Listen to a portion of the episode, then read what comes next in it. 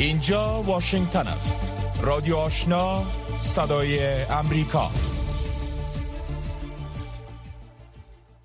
شنوندگان عزیز سلام شب شما بخیر. و برنامه خبری رادیو آشنا خوش آمدید.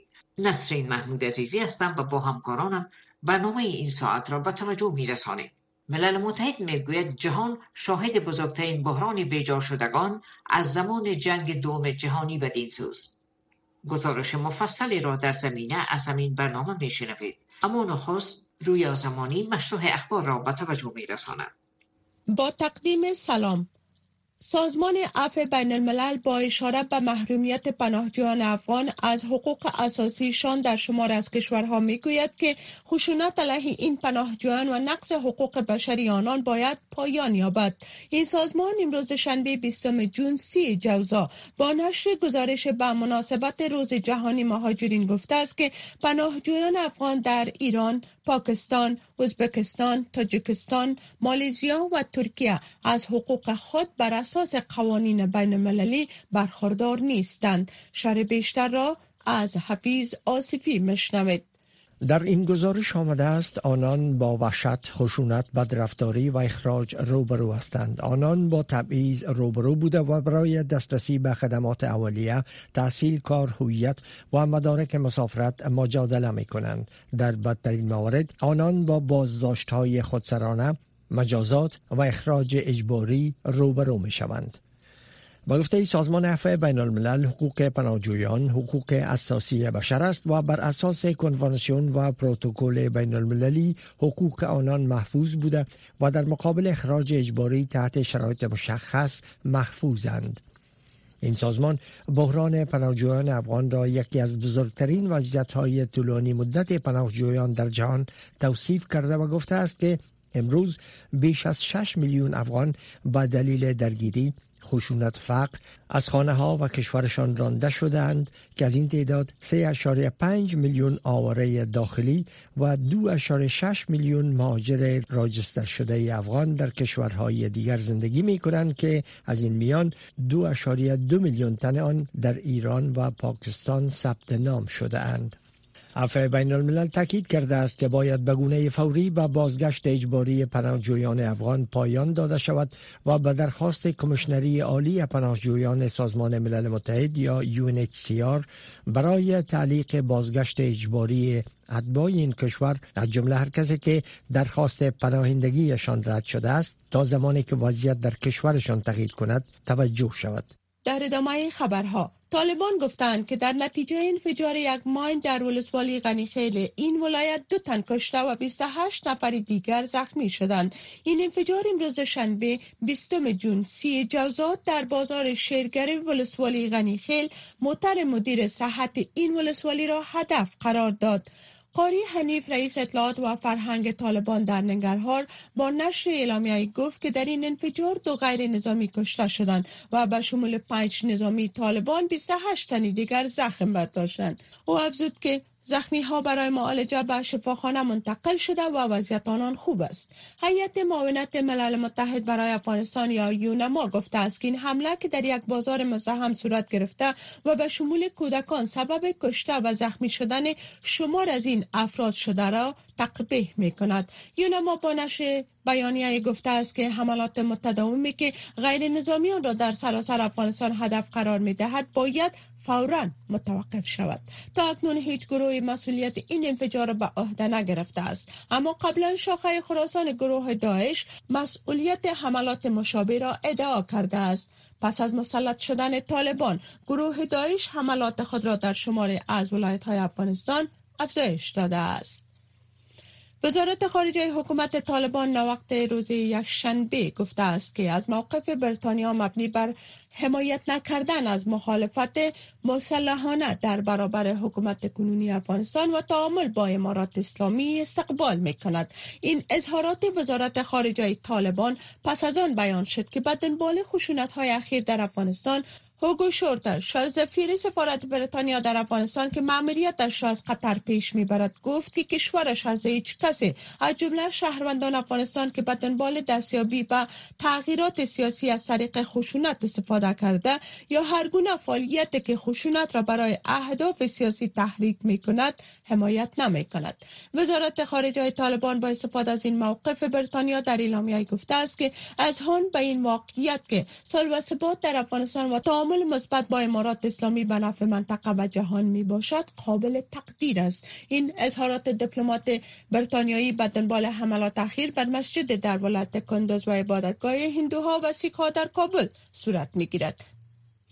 مقام های اتاق تجارت و سرمایه گذاری افغانستان با شمار از تجاران روسی در مسکو دیدار کردند. و از آنان خواستند در واردات و صادرات مواد نفتی و مواد غذایی به افغانستان همکاری کنند. این اتاق وقتی دیروز شنبه با نشر خبرنامه گفته است که مقام های اتاق تجارت درباره موضوعات مشابه همچنان با فرستاده ویژه رئیس جمهوری روسیه در کریمیا گفتگو کردند. به گفته اتاق تجارت و سرمایه گذاری افغانستان هیئت افغانی خواستار همکاری طرف مقابل در واردات و صادرات آرد، گندم روغن و مواد نفتی شده است. به نقل از خبرنامه تاجران و مقام های روسی قول تسهیل تجارت با هیئت افغانستان را دادند و بر لزوم برگزاری جلسات مشابه در آینده تاکید کردند این سفر در حال صورت می‌گیرد که پس از بازگشت طالبان به قدرت قیمت مواد نفتی و مواد غذایی در افغانستان به شدت افزایش یافته و این موضوع مردم این کشور را با مشکلات زیادی روبرو کرده است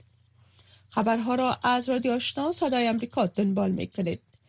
وزارت داخله اوکراین امروز شنبه گفت که دست کم ده خانه در شهر سیردینای بودا در منطقه سیمی اوکراین در حملات توپخانه روسیه در این کشور تخریب شده است. ویدیوهایی که از این رویداد در شبکه های رسمی به نشر رسیده است تخریب گسترده ای را در منطقه نشان می دهد دیپلمات های ارشد اتحادیه اروپا برای بحث پیرامون بحران اوکراین و امنیت غذایی امروز شنبه در لوکزامبورگ گرد هم آمدند. جوزف بورل دیپلمات ارشد اتحادیه اروپا روسیه را به خاطر متوقف کردن صادرات غله از اوکراین به جنایت جنگی متهم کرده است. او این مطلب را امروز شنبه در سخنرانی افتتاحیه نشست وزرای خارجه کشورهای عضو اتحادیه اروپا در لوکزامبورگ بیان کرد. جوزف بورل مسئول سیاست خارجی اتحادیه اروپا گفت که این را نمی‌توان تصور کرد که میلیون ها تن گندم در اوکراین متوقف است در حالی که بقیه مردم جهان از گرسنگی رنج می‌برند. آقای بورل افزود که این واقعا یک جنایت جنگی به حساب می رود وزرای خارجه کشورهای اتحادیه اروپا قرار است که امروز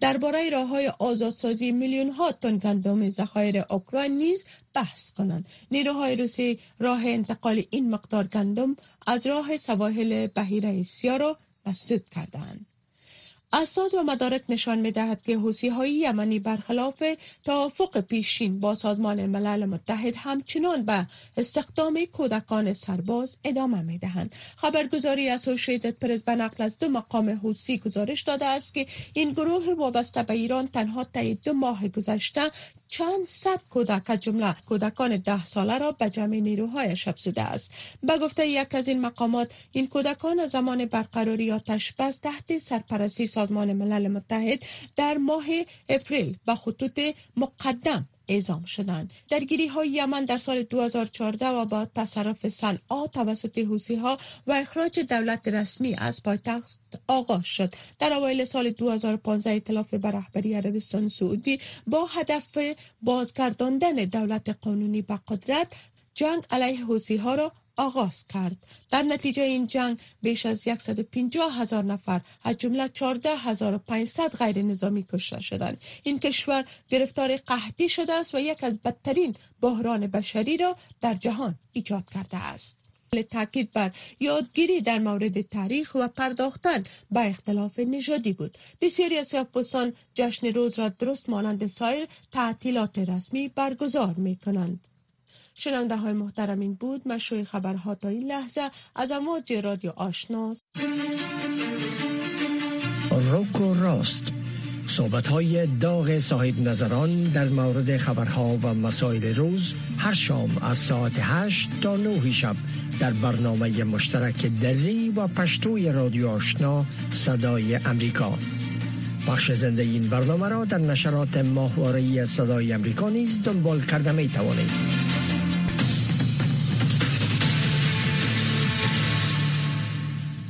شنوندگان عزیز اخبار افغانستان منطقه و جهان را از رادیو آشنا شنیدین. آل هم توجه نمایید به گزارش هایی که برای شما برگزیده ایم. پناهجویان افغان در سویدن با دشواری های زیادی روبرو هستند. بسیاری از این پناهجویان تا بیشتر از ده سال نیز در بیسرنوشتی به سر بردهاند. ولی آریان در گزارش و چگونگی زندگی یک زن 67 ساله افغان در سویدن و یک پناهجوی جوان که از ده سالگی به سویدن آمده بود پرداخته است که با هم میشنویم.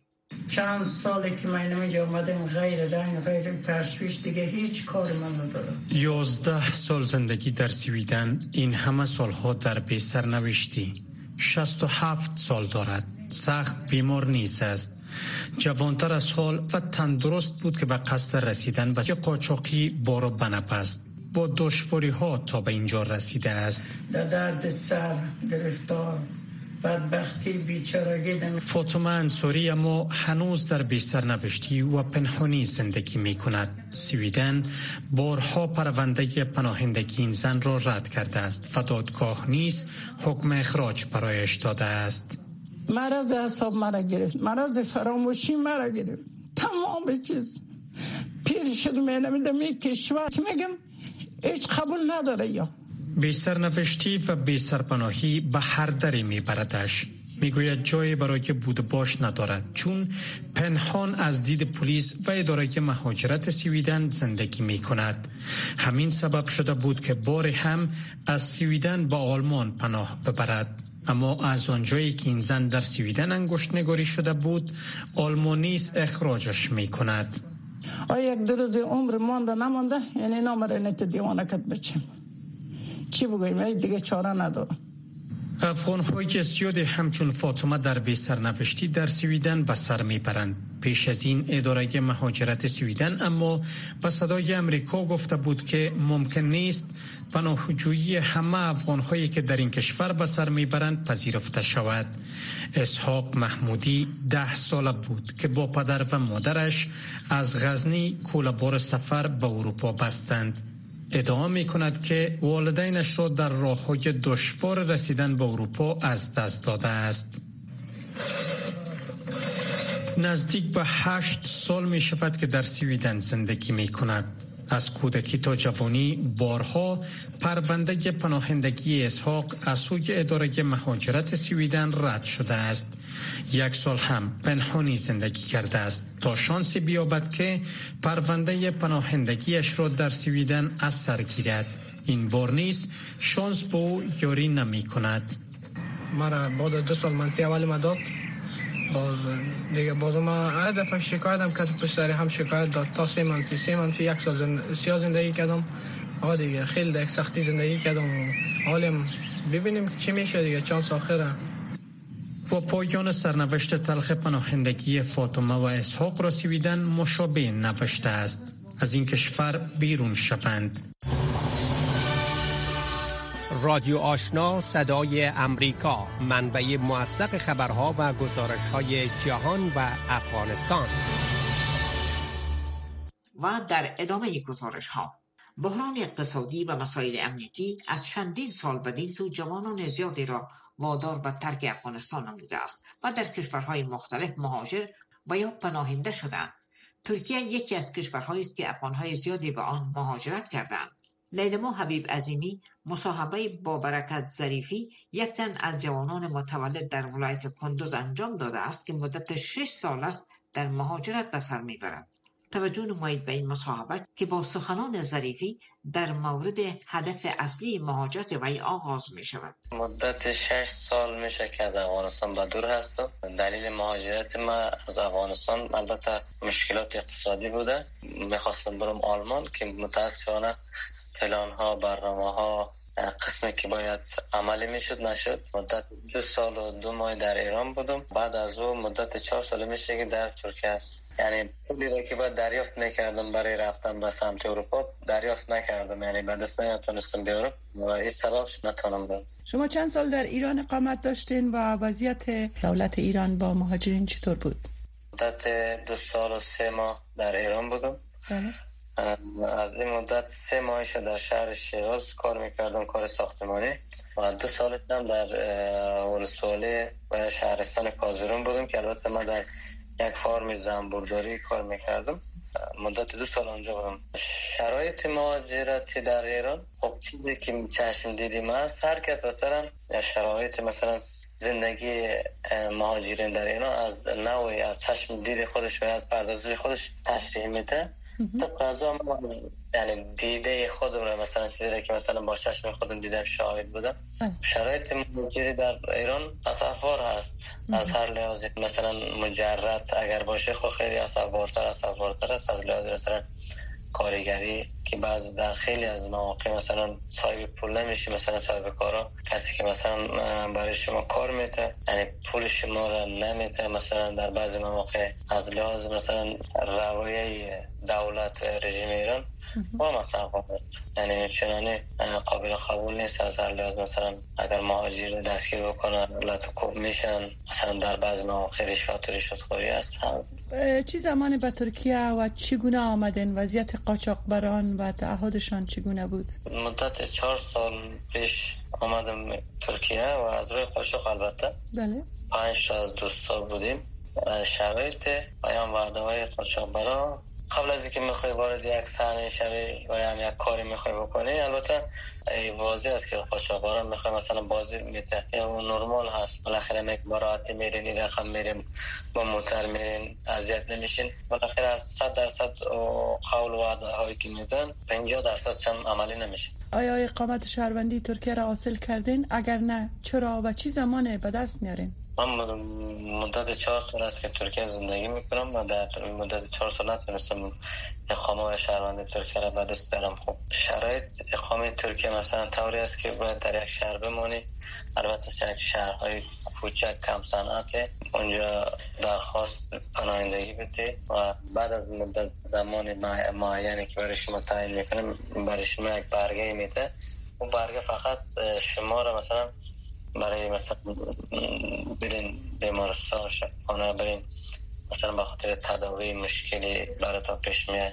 بله. و یا مثلا بانکیج باز بکنین. همچی مسائل یعنی بیشتر از هم نمی‌تونین بکنین. و یا ماشین بخواین کرا بگیرین. در اما حد یعنی بیشتر از او مورد عمل نیست. یکی از ولایت های مثلا کم صنعت از لحاظ اقتصاد قدر اقتصادی به بزرگی نداره در ترکیه. و یکی از ولایت های ترکیه که به اسم آقسرای هست. اونجا مثلا در خواست پاننده گیره برای من گفتم مثلا نه ما باید تیمنیک و برگه تان رو بگیریم. البته شماره تلفن مرم گرفته که ما برای شما با شما با تماس میشیم که با, تماس نشدن معامله من مدت 5 6 ماه اونجا موندم. بالاخره شرایط کاری اونجا ضعیفتر هست. یعنی کار بعد ساردن کار در امرار ماش ضعیفتر بود. با دلیل مجبور شدم از ولایت برایم برم به ولایت دیگری که دوباره نتونستم برگردم ولایت و جستجو بکنم که قرار است که میگ بریم بتن پیام برگه یا نتن که هم رقم مانش تا به حال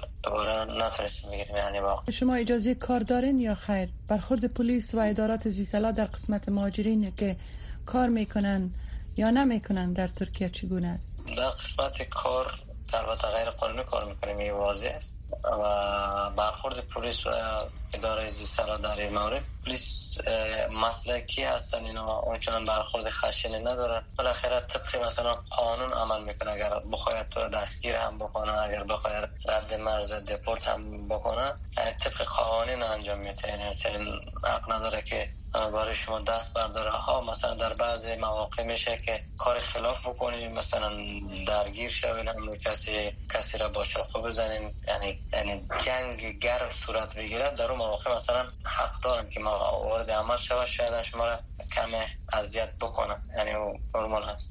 درست. خب از زندگیتان در ترکیه رضایت دارین. کار چطور است و به خانواده کمک رسانده می‌تونین؟ خب از کار در ترکیه. قبلا بهتر بود تا جایی که شما می‌تونه داریم. پول ترکیه لیری ترکیه خیلی به شدت پایین آمده و این موجود از این که مثلا کمتر و کمتر بتونیم برای خانواده اصلا کمک بکنیم از لحاظ اقتصادی. در آخر آیا روز به کشور برمیگردین؟ اگر بله تحت چی شرایط می‌خواین برگردین؟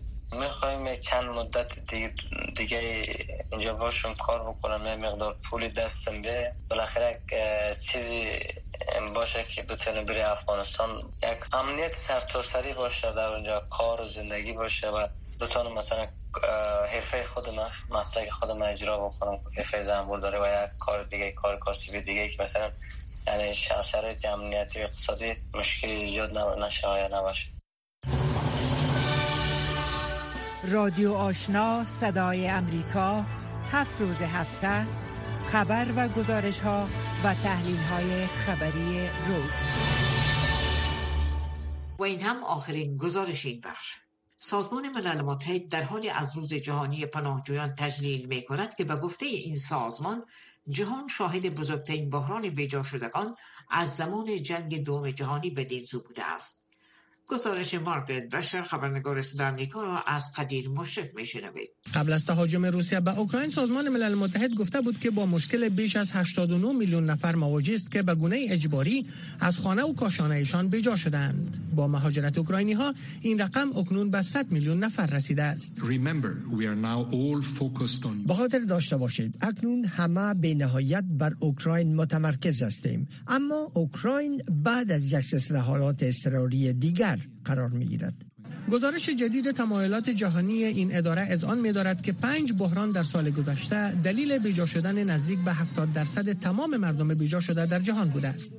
این افراد از سوریه گرفته تا ونزوئلا، افغانستان، سودان جنوبی و میانمار را شاملند. بر اساس این گزارش در افغانستان 24 میلیون نفر به کمک های بشردوستانه نیاز دارند. اقتصاد در حال فروپاشی است و طالبان محدودیت های بیشتری بر زنان و دختران وضع می کنند. پیتر کسلر سخنگوی کمشنری عالی ملل متحد در امور پناهندگان در افغانستان می‌گوید تمام این فشارها باعث شده تا 2.7 میلیون افغان آن کشور را ترک کنند. فلحاظ مردم سرحدات را عبور می کنند برخی اوقات با ویزا اما اکثر اوقات بدون ویزا و اسناد این کار را می کنند در برخی مواقع روزانه تا 20 هزار نفر از سرحدات افغانستان عبور می کنند بسیاری از مردم به کشورهای همسایه می روند. رافائل کوسترزینسکی سخنگوی کمشنری عالی ملل متحد در امور پناهندگان در پولند می گوید این کشور میزبان بیش از یک میلیون نفر از اوکراین است که به خاطر امنیت به آنجا پناه بردند. مردم یا پناهجویان تا آنجا که ممکن است از درگیری ها بسیار دور فرار نمی کنند بلکه به حد اقل نزدیکی آن فرار می کنند و آنان تا جایی که ممکن است دیرتر به وطنشان بر نمی گردند بلکه تا حد امکان به اسرع وقت دوباره بر می گردند تنها 5.7 میلیون نفر بیجا شده داخلی و پناهجویان یا به منازلشان یا هم به زادگاه اصلیشان در سال 2021 عودت کردند. تمرکز امسال روز جهانی پناهندگان در 20 ماه جون دسترسی به حق تلاش برای امنیت است. کشورهای ثروتمندتر پیشینه متفاوتی در مورد استقبال و پذیرایی از درخواست دهندگان پناهندگی و پناهجویان دارند. فیلیپو گراندی سخنگوی کمشنری عالی ملل متحد در امور پناهندگان ابراز امیدواری می کند که این کشورهای ثروتمند اکنون رابطه میان بم‌ها و پرواز را درک کنند. مردم فرار می کنند چرا که می ترسند تنها اوکراینی ها نیستند. سوری ها و مردم دیگری از ترس بم ها فرار کردند. مردم در ساحل آج یا از ترس بم یا هم حملات وحشیانه. دست به فرار زدند لذا ترس از ناامنی چی در اوکراین باشد یا هم در نیکاراگوا یکسان است. ایرینا موریکوس که از ترس و بی‌سرنوشتی تکان خورده است یک جا با پسرش در حالی که شوهرش در اوکراین مانده در نخستین روزهای حمله روسیه به اوکراین کشورش را ترک کرد. ما فقط مهمترین وسایل و اقلام مورد ضرورتمان را گرفتیم و سرحد را عبور کردیم. اکنون ایرنا که یک هنرمند است در هالند به سر می‌برد و با کمشنری عالی ملل متحد در امور پناهندگان در ایموجی تویتر امسال روز جهانی پناهجویان همکاری کرده است. وقتی ما دروازه منزل را برای یک فرد نیازمند باز می کنیم برای پناهجویان به گونه مثال کسی که به کمک نیاز دارد به این میماند که درب قلبمان را باز کرده ایم به خاطر که منزل قلب خانواده است. میلیون ها پناهجو و بیجا شده در سراسر جهان نیز همین امیدواری را دارند تا در کشورهای میزبان به امنیت دست یافته و با استقبال گرم مواجه شوند. هفت روز هفته با رادیو آشنا صدای امریکا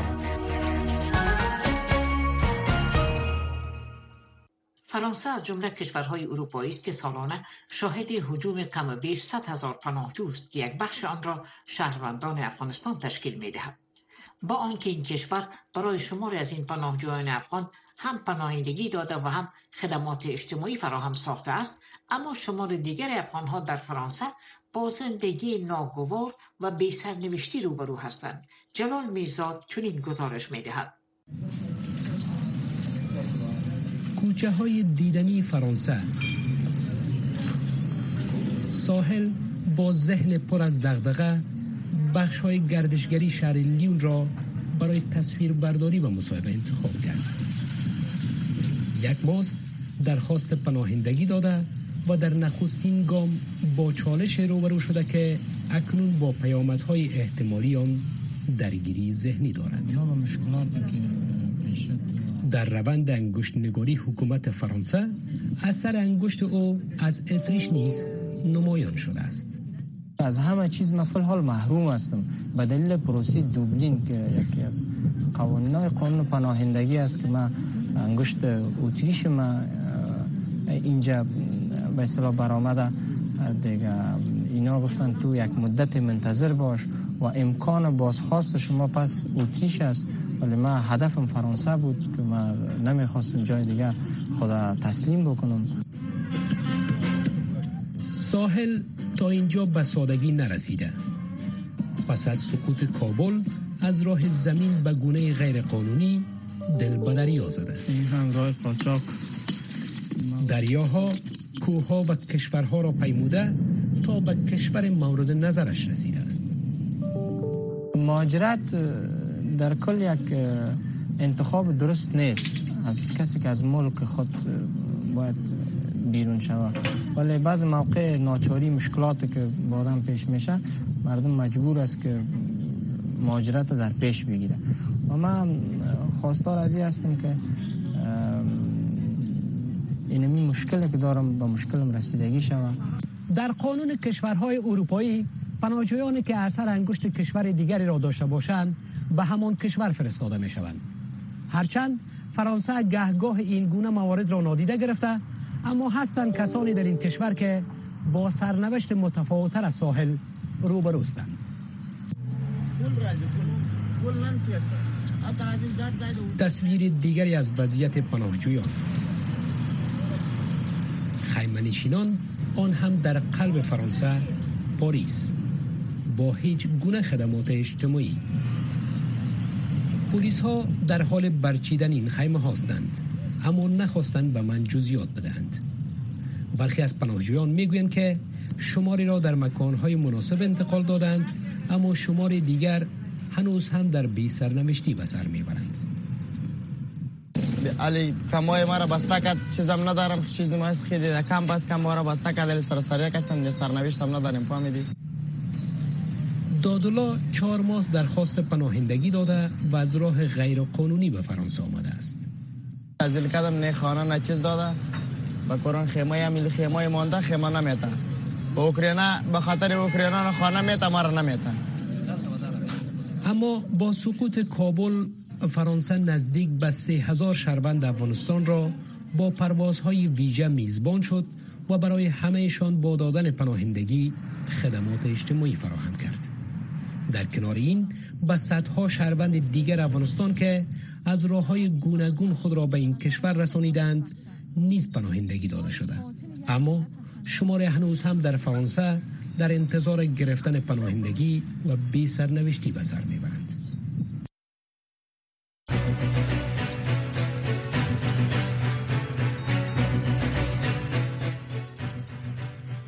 شنونده های عزیز این بود داشته های برنامه خبری که در همین جا به پایان رسید. اما نشرات پشتو و دری رادیو آشنا همچنان ادامه دارد.